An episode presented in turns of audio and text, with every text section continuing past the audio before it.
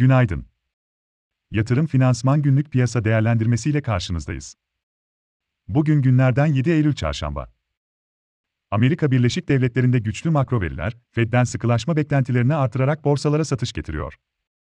Avrupa borsalarında ise Rusya kaynaklı enerji akışına dair beklentilerle dalgalı bir seyir izlenmekte. Dün Amerika Birleşik Devletleri'ndeki satışlara karşın Avrupa'da tepki alımları dikkat çekti. BIST'te ise yurt dışından pozitif ayrışma hız kesmeden devam ediyor ve henüz bu ayrışmanın sonuna geldiğimizi düşünmüyoruz.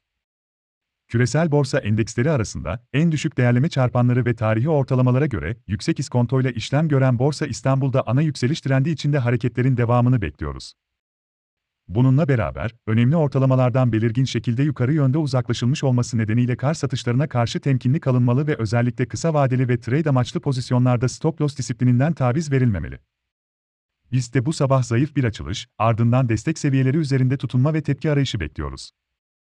BIST 100 endeksi için takip edilmesi gereken destekler 3375, 3335 ve 3300-3310 bandı, dirençler 3425, 3450 ve 3480. Türkiye 5 yıllık CDS primleri güne 753 bas puanda başlıyor. Ajandada ise içeride Ağustos ayı hazine nakit dengesi açıklanırken, dışarıda Euro bölgesi ikinci çeyrek gayri safi yurtiçi hasıla büyüme verisinin son revizyonu ile Amerika Birleşik Devletleri dış ticaret dengesi takip edilecek. Amerika Birleşik Devletleri'nde ayrıca, ülke ekonomisini 12 bölge halinde ayırarak büyüme performansını detaylı şekilde ele alan 5 kitap raporu yayınlanacak.